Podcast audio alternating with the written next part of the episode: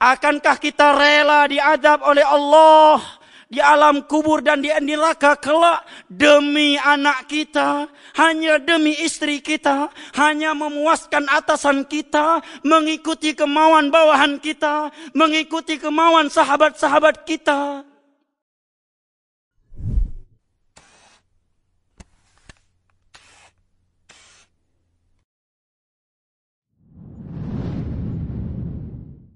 إن الحمد لله نحمده تعالى ونستعينه ونستغفره ونعوذ بالله من شرور أنفسنا ومن سيئات أعمالنا. من يهده الله فلا مضل له ومن يضلل فلا هادي له. وأشهد أن لا إله إلا الله وحده لا شريك له. وأشهد أن محمدا عبده ورسوله صلى الله عليه وعلى آله وصحبه وسلم تسليما كثيرا. يقول ربنا جل وعلا في كتابه الكريم يا أيها الذين آمنوا اتقوا الله حق تقاته ولا تموتن إلا وأنتم مسلمون. ويقول ربنا جل وعز يا أيها الناس اتقوا ربكم الذي خلقكم من نفس واحدة وخلق منها زوجها وبث منهما رجالا كثيرا ونساء واتقوا الله الذي تساءلون به والأرحام إن الله كان عليكم رقيبا ويقول ربنا جل جلاله يا أيها الذين آمنوا اتقوا الله وقولوا قولا سديدا. يصلح لكم أعمالكم ويغفر لكم ذنوبكم ومن يطع الله ورسوله فقد فاز فوزا عظيما. أما بعد فإن أصدق الحديث كلام الله. وخير الهدي هدي محمد صلى الله عليه وسلم. وشر الأمور محدثاتها فإن كل محدثة بدعة وكل بدعة ضلالة وكل ضلالة في النار. أعاذني الله وإياكم من النار.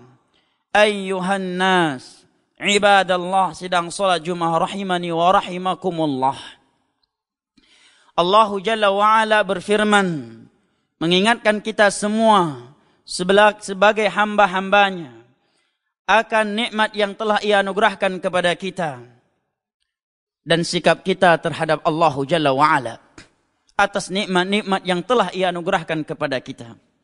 Allah Jalla wa'ala berfirman wa in ta'uddu ni'matallahi la tuhsuha innal insana la zalumun kaffar dan kalaulah kalian ingin menghitung-hitung akan nikmat Allah atas kalian la tuhsuha. Niscaya kalian tidak akan mampu menghitungnya innal insana lazalumun kafar. Sesungguhnya manusia itu pelaku kezaliman dan kekufuran. Di ayat yang lain Allah menyatakan innallaha ghafurur rahim. Hanya saja Allah senantiasa mengampuni dan menyayangi kalian sungguh kekufuran yang kita arahkan kepada Allah Jalla wa'ala. Amatlah banyak atas nikmat-nikmat yang telah ia berikan kepada kita. Bahkan terkadang syaitan memberikan bisikan kepada seorang hamba sehingga dia berkata dengan lisan halnya atau bahkan dengan lisan makalnya seakan-akan Allah Jalla wa'ala belum memberikan apapun untuknya dari nikmat-nikmat yang berharga di sisinya. Ibadallah. Tahukah kita nikmat yang paling besar? Tahukah kita nikmat paling berharga, paling mahal yang Allah anugerahkan kepada hambanya? Dialah nikmat agama. Diriwayatkan oleh Al-Imam Ahmad bin Muhammad bin Hanbal di dalam musnadnya sebuah hadis dari sahabat yang mulia Abdullah bin Mas'ud radhiyallahu an. bahwa Nabi sallallahu alaihi wasallam atau Abdullah bin Mas'ud radhiyallahu anhu menyatakan innallaha qasama bainakum akhlaqakum kama qasama bainakum arzaqakum wa innallaha yu'ti dunya man yuhibbu wa man la yuhib wa la yu'ti din illa man yuhib faman yu'ti din faqad ahabbah Allah Jalla wa'ala telah membagi-bagikan Allah Jalla wa'ala telah membagi akhlak di antara kalian sebagaimana Allah telah membagi rezeki di antara kalian.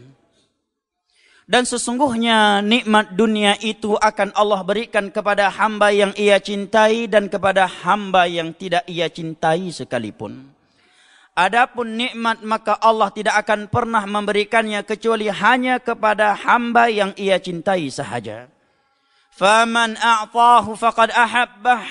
Maka barang siapa yang telah diberikan nikmat agama maka sungguh Allah telah mencintainya. Al-Imam Ibn Al-Qayyim rahimahullahu taala di dalam kitabnya Ijtima'ul Juyush menyatakan an-ni'matu ni'matan Nikmat yang Allah anugerahkan kepada manusia di dunia ini ada dua macam Ni'matun muqayyadatun wa ni'matun mutlaqah yang pertama adalah nikmat yang muqayyadah, nikmat yang terbatas. Nikmat yang bukan sebagai pertanda cinta Allah kepada hambanya. Yaitu nikmatul amwal wal azwaj wal aulad. Berupa harta benda, pasangan hidup dan anak keturunan. Serta segala bentuk nilai-nilai dunia lainnya. Nikmat yang seperti ini kata beliau yashtariku fiha al-mu'min wal kafir was salihu wal fasiq. Itu Allah berikan kepada hambanya yang mukmin, kepada hambanya yang kafir, kepada hambanya yang saleh dan kepada hambanya yang fasik sekalipun. Maka dia bukan sebagai pertanda cinta Allah kepada seorang hamba. Adapun yang kedua adalah nikmatun mutlaqah. Nikmat yang sempurna yaitu nikmatul Islam was sunnah. Nikmat agama Islam dan nikmat menjalankan agama Islam dengan hidayah as-sunnah. Ini adalah nikmat yang kita diperintahkan oleh Allah Jalla wa'ala berbangga dan bergembira dengannya pada firmannya yang tertera pada surat Yunus kata beliau. Yaitu firman Allah Jalla wa Ala qul bi fadlillahi wa bi rahmatihi fa bidzalika falyafrahu huwa khairum mimma yajma'un. Katakanlah wahai Nabi Muhammad kepada umatmu kepada para sahabatmu katakan kepada mereka qul bi fadlillahi wa bi rahmatihi fa bidzalika falyafrahu dengan fadlullah dan rahmatnya hendaknya mereka gembira, hendaknya mereka bangga, hendaknya mereka bahagia, bukan justru tidak percaya diri, bukan justru kecewa, jangan bukan justru kufur kepada Allah dan mengatakan kenapa terlalu cepat saya memperolehnya. Allah katakan hendaknya mereka gembira, bahagia, bangga dengan fadlullah dan rahmatnya. Karena yang demikian itu lebih baik daripada dunia yang dikumpulkan oleh manusia. Kata Imam Ibn Al-Qayyim rahimahullahu ta'ala setelah membawa ayat di atas. Laqad tadarat aqwalul mufassirin fi anna al-murada bihima ni'matul Islam wa sunnah. Sungguh telah masyhur di kalangan ulama tafsir bahawa yang dimaksud dengan fadlullah dan rahmatnya dalam ayat ini yang kita diperintahkan berbangga, berbahagia dan bergembira dengannya dan bahawa fadlullah dan rahmatnya tersebut lebih baik daripada dunia yang dikumpulkan oleh seluruh manusia adalah nikmat Islam dan nikmat as-sunnah. Al-Imam Al-Barbahari di awal kitabnya Syarh Sunnah menyatakan al-Islam huwa sunnah was sunnatu hiyal Islam. Islam yang murni itu adalah mengikuti as-sunnah dan as-sunnah itulah Islam yang murni. Al-Imam Ibn Rajab Al-Hambali di dalam kitabnya Jami'ul Ulumi wal Hikam menerangkan bahawa yang dimaksud oleh para ulama dengan bahasa dengan kalimat as-sunnah dalam bahasa mereka. Dan dalam bahasa para ulama salaf adalah beragama dengan mengikuti Al-Quranul Karim dan hadis-hadis Nabi sallallahu alaihi wasallam yang sahih dengan pemahaman mereka para sahabat Nabi sallallahu alaihi wasallam, para tabi'in dan tabi'ut tabi'in. Karena inilah tiga generasi terbaik yang telah direkomendasi oleh Rasulullah sallallahu alaihi wasallam dengan sabdanya khairun nasi qarni thumma alladhina yalunahum thumma alladhina yalunahum sebaik-baik manusia adalah generasiku para sahabatnya. Kemudian yang datang setelah mereka murid-murid mereka para tabi'in. Kemudian yang datang setelah mereka yaitu murid mereka para tabi'in, tabi'ut tabi'in. Hadis riwayat Al-Imam Al-Bukhari dari Fadalah bin Ubaid radhiyallahu anhu. Seorang ulama tabi'in atau tabi'ut tabi'in Abu Al-Aliyah Syaqiq Ibn Salam rahimahullahu taala menyatakan Inni la ajri ayyan ni'matain min Allah alayya a'zam. Aku tidak bisa menunjukkan mana yang lebih besar, mana yang lebih berharga, mana yang lebih mahal dari dua nikmat yang Allah anugerahkan kepadaku. Apakah nikmat Islam ataukah nikmat as-sunnah? Kenapa demikian? Karena kata Imam Al-Barbahari al-Islam huwa sunnah wa sunnatu hiya al-Islam. Islam yang murni itu adalah mengikuti as-sunnah dan as-sunnah itulah Islam yang murni. Maka ini adalah nikmat yang paling besar, nikmat paling mahal, nikmat paling tinggi yang Allah anugerahkan kepada seorang hamba dan mesti ia syukuri.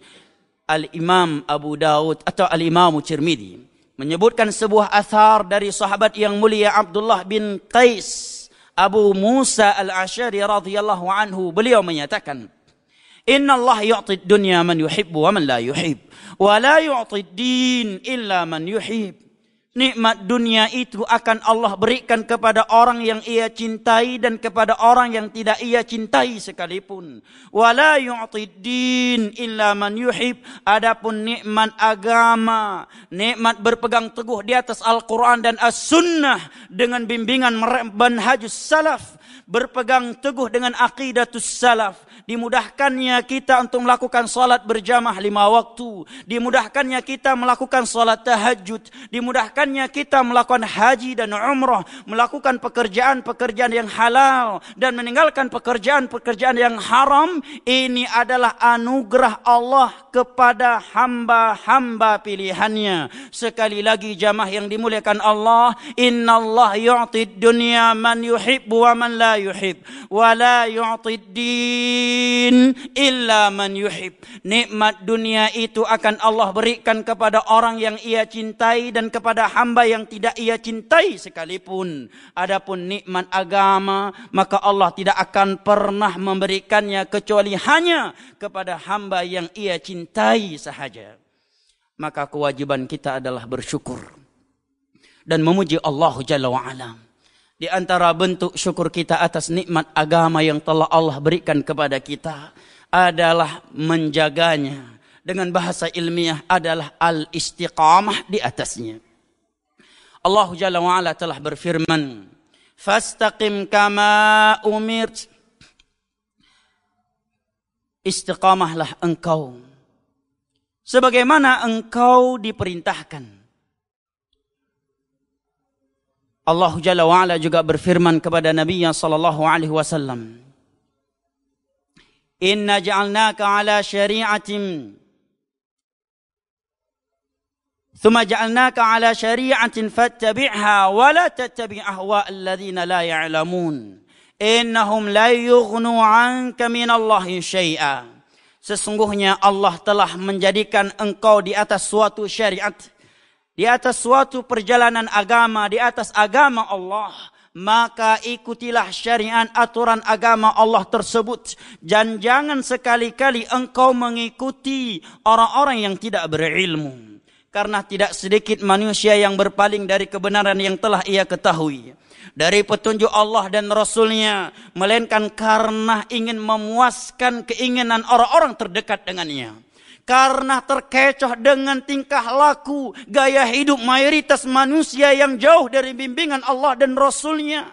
Maka Nabi Muhammad sallallahu alaihi wasallam diingatkan oleh Allah fattabi'ha wa la tattabi' ahwa alladhina la ya'lamun. Ikuti agama yang telah Allah berikan kepada engkau dan jangan sekali-kali engkau mengikuti keinginan kemauan manusia yang tidak berilmu. Innahum la yughnu anka minallahi syai'a. Karena jika engkau memuaskan mereka mengikuti mereka taat kepada mereka mereka semua tidak akan mampu membela engkau dari Allah. Innahum la yughnu anka minallahi syai'a seluruh manusia di dunia ini tidak ada yang mampu membela engkau dari Allah, mencegah engkau dari kematian, menjauhkan engkau dari malaikat maut. Maka Nabi sallallahu alaihi wasallam diingatkan oleh Allah dengan ini. Fattabi'ha wa la tattabi' ahwa alladhina la ya'lamun innahum la yughnu 'anka min Allah syai'a. Ikuti syariat Allah yang telah Allah turunkan, yang telah Allah berikan kepadamu wala tattabi ahwa alladhina la ya'lamun. Dan jangan sekali-kali engkau mengikuti kemauan keinginan orang-orang yang tidak mengetahui. Innahum la yughni 'anka minallahi syai'a. Karena sesungguhnya manusia itu tidak mampu membela engkau di sisi Allah. Jamaah yang dimuliakan Allah jangankan sahabat jangankan atasan jangankan bawahan Jangankan raja kita, anak kandung kita sendiri, istri tercinta kita sendiri. Andai kata kita mati, maka mereka tidak akan siap menemani kita di dalam kuburan kita walaupun hanya semenit. Walaupun hanya dua tiga detik, tidak ada di antara anak kita, istri kita, atau sahabat kita, komandan kita, bawahan kita, pimpinan kita yang mampu dan rela menemani kita di dalam liang kubur. Maka untuk apa kita meninggalkan Allah dan Rasulnya gara-gara mereka? Akankah kita rela diadab oleh Allah? Di alam kubur dan di neraka kelak demi anak kita, hanya demi istri kita, hanya memuaskan atasan kita, mengikuti kemauan bawahan kita, mengikuti kemauan sahabat-sahabat kita. Padahal Allah Jalla wa'ala telah berfirman di dalam Al-Quranul Karim. Yawma yafirul mar'u min akhi wa ummihi wa abihi wa sahibatihi wa bani di hari kiamat nanti seorang itu akan lari dari saudara kandungnya. Dia akan lari dari anak kandungnya dia akan lari dari istrinya dia akan lari dari ibu kandungnya dan dia akan lari dari ayah kandungnya. Likulli mri'im yawma idzin sya'nu yughni. Setiap orang di saat itu tersibukkan dengan urusan dan pertanggungjawaban yang harus ia pertanggungjawabkan di hadapan Allah Rabbul Alamin. Lebih dari itu Allah Jalla wa'ala berfirman di dalam surat Al-Ma'arij. يود المجرم لو يفتدي من عذاب يومئذ ببنيه وصاحبته واخيه وفصيلته التي تؤويه ومن في الارض جميعا ثم ينجيش orang-orang yang banyak berbuat dosa yang banyak berbuat maksiat di dunia ini pada hari kiamat di padang mahsyar di hari kiamat mereka berangan-angan andai kata anak kandung mereka sahabat mereka ibu kandung mereka, ayah kandung mereka dan seluruh manusia di dunia ini bisa ia jadikan sebagai tebusan ia dari neraka Allah. Artinya jamaah yang dimuliakan Allah. Andai kata dikatakan kepada seorang hamba, engkau akan selamat dari neraka dengan syarat ibumu penggantinya. Dengan syarat ibumu akan dibakar, ayahmu akan dibakar, anak kandungmu akan dibakar, istrimu akan dibakar, dan sahabat-sahabatmu semuanya akan dibakar. Kalau kamu mau, baru kamu diselamatkan dari neraka Allah. Maka seluruh para pelaku dosa saat itu berangan-angan andai kata dia bisa menjadikan ibu kandungnya, ayahnya, anaknya, istrinya dan seluruh manusia yang pernah bersamanya sebagai tebusan dia dari neraka Allah. Kenapa demikian jamaah yang dimuliakan Allah? Jawabannya tentunya karena dahsyat dan kengerian neraka Allah. Bagaimana tidak? Di dalam sebuah hadis yang diriwayatkan oleh Al-Imam Al-Bukhari dari Nu'man bin Bashir radhiyallahu an, Nabi sallallahu alaihi wasallam bersabda, إن أهون أهل النار عذابا يوم القيامة لرجل يوضع تحت رجله جمرة فيغلي منه دباغه فيظن أنه أشدهم عذابا وهو أهونهم عذابا Azab yang paling ringan untuk penghuni neraka Allah di hari kiamat adalah diletakkannya dua bara api di bawah kaki seorang hamba yang lantas meleleh dan mendidih otaknya membuat dia menyangka bahwa dirinya adalah penghuni neraka yang paling ringan, yang paling keras siksaannya. Sementara ia adalah penghuni neraka yang paling ringan siksaannya. Ini azab yang paling ringan dalam neraka Allah. Bagaimana apa kiranya jika seorang hamba menjadi orang yang paling keras akan siksaannya di dalam neraka Allah. Dan yang terakhir yang dengannya kita tutup khutbah yang pertama kita ini saya sebutkan sebuah hadis Nabi sallallahu alaihi wasallam yang mudah-mudahan dengan hadis tersebut hati kita yang sudah sempit ini yang masih penakut untuk mengamalkan agama Allah yang masih condong terhadap dunia dan lebih memprioritaskannya atas akhirat. Hati yang selama ini gundah gulana karena merasa banyak musibah dan ujian yang menimpanya. Mudah-mudahan akan terhibur dengan hadis Nabi SAW yang berikut ini diriwayatkan oleh Imam Muslim dari Anas bin Malik radhiyallahu an. Nabi sallallahu alaihi wasallam bersabda yu'ta yaumal qiyamati bi an'ami ahli dunya min ahli an-nar fayusbaghu fiha sibghatan fayuqalu lahu hal ra'aita khairan qat wa hal marrat bika ni'matun qat faqala wallahi ya rab ma ra'aitu khairan qat wa ma marrat bi ni'matun qat wa yu'ta bi ashaddi an-nas bu'san fi dunya min ahli al-jannah fayusbaghu fiha sibghatan fayuqalu lahu hal ra'aita sharran qat wa hal marrat bika bu'satan قط فقال والله يا رب ما رأيت شرا قط وما مرت بي شدة قط Nabi menyebutkan bahawa di hari kiamat nanti ada didatangkan orang yang paling nikmat hidup di dunia. Dari seluruh penduduk dunia dia yang paling nikmat. Tapi sayang dia dari penghuni neraka Allah karena tidak taat kepada Allah dan Rasulnya. Tatkala dia dicelup ke dalam neraka Allah, Kemudian diangkat dan kemudian dikatakan kepadanya, apakah engkau pernah melihat suatu kebaikan? Dan pernahkah engkau hidup nikmat? Dia pun menjawab, ya Allah demi Rabb. Demimu ya Allah, aku tidak pernah melihat kebaikan. Dan aku tidak pernah hidup nikmat. Para ulama menyatakan bukan karena dia mampu berdusta di hadapan Allah. Tetapi karena dahsyatnya neraka Allah membuat dia lupa seluruh nikmat dan seluruh kebaikan yang pernah ia rasakan, yang pernah ia lihat ketika di dunia. Dan dia adalah penghuni dunia yang paling kaya, yang paling sehat, yang paling sempurna dengan nilai-nilai dunia di saat itu. Sebaliknya kata Nabi sallallahu alaihi wasallam, didatangkan orang yang paling besar ujiannya di dunia, ketika di dunia. Dari sisi miskin dia yang paling miskin, penyakit dia yang paling banyak penyakit. Musibah dia yang paling banyak musibah yang ketika di dunia. Semenjak Nabi Adam diciptakan sampai hari kiamat, dia adalah orang yang paling besar, yang paling berat ujiannya. Tetapi dia dari penghuni neraka surga Allah Jalla wa'ala. Karena taatnya dia kepada Allah dan Rasulnya. Dia pun dicelupkan ke dalam syurga. Kemudian dikatakan kepadanya, wahai hambaku. Apakah selama ini engkau pernah hidup miskin? Engkau pernah hidup susah? Engkau pernah melihat suatu kejelekan? Maka spontanitas dia menjawab, Ya Allah demimu aku tidak pernah hidup susah. Aku tidak pernah melihat suatu kejelekan. Para ulama menyatakan bukan karena hamba ini berzusta di hadapan Allah. Tetapi karena indah dan bagusnya syurga. Dengan sekali celupan membuat seorang hamba lupa seluruh malapetaka, seluruh musibah, seluruh kejelekan. Yang pernah ia rasakan selama ia hidup di dunia yang fana lagi menipu ini. Aku li qawli hada wa astaghfirullah. Fastaghfiruh innahu huwal ghafuru rahim.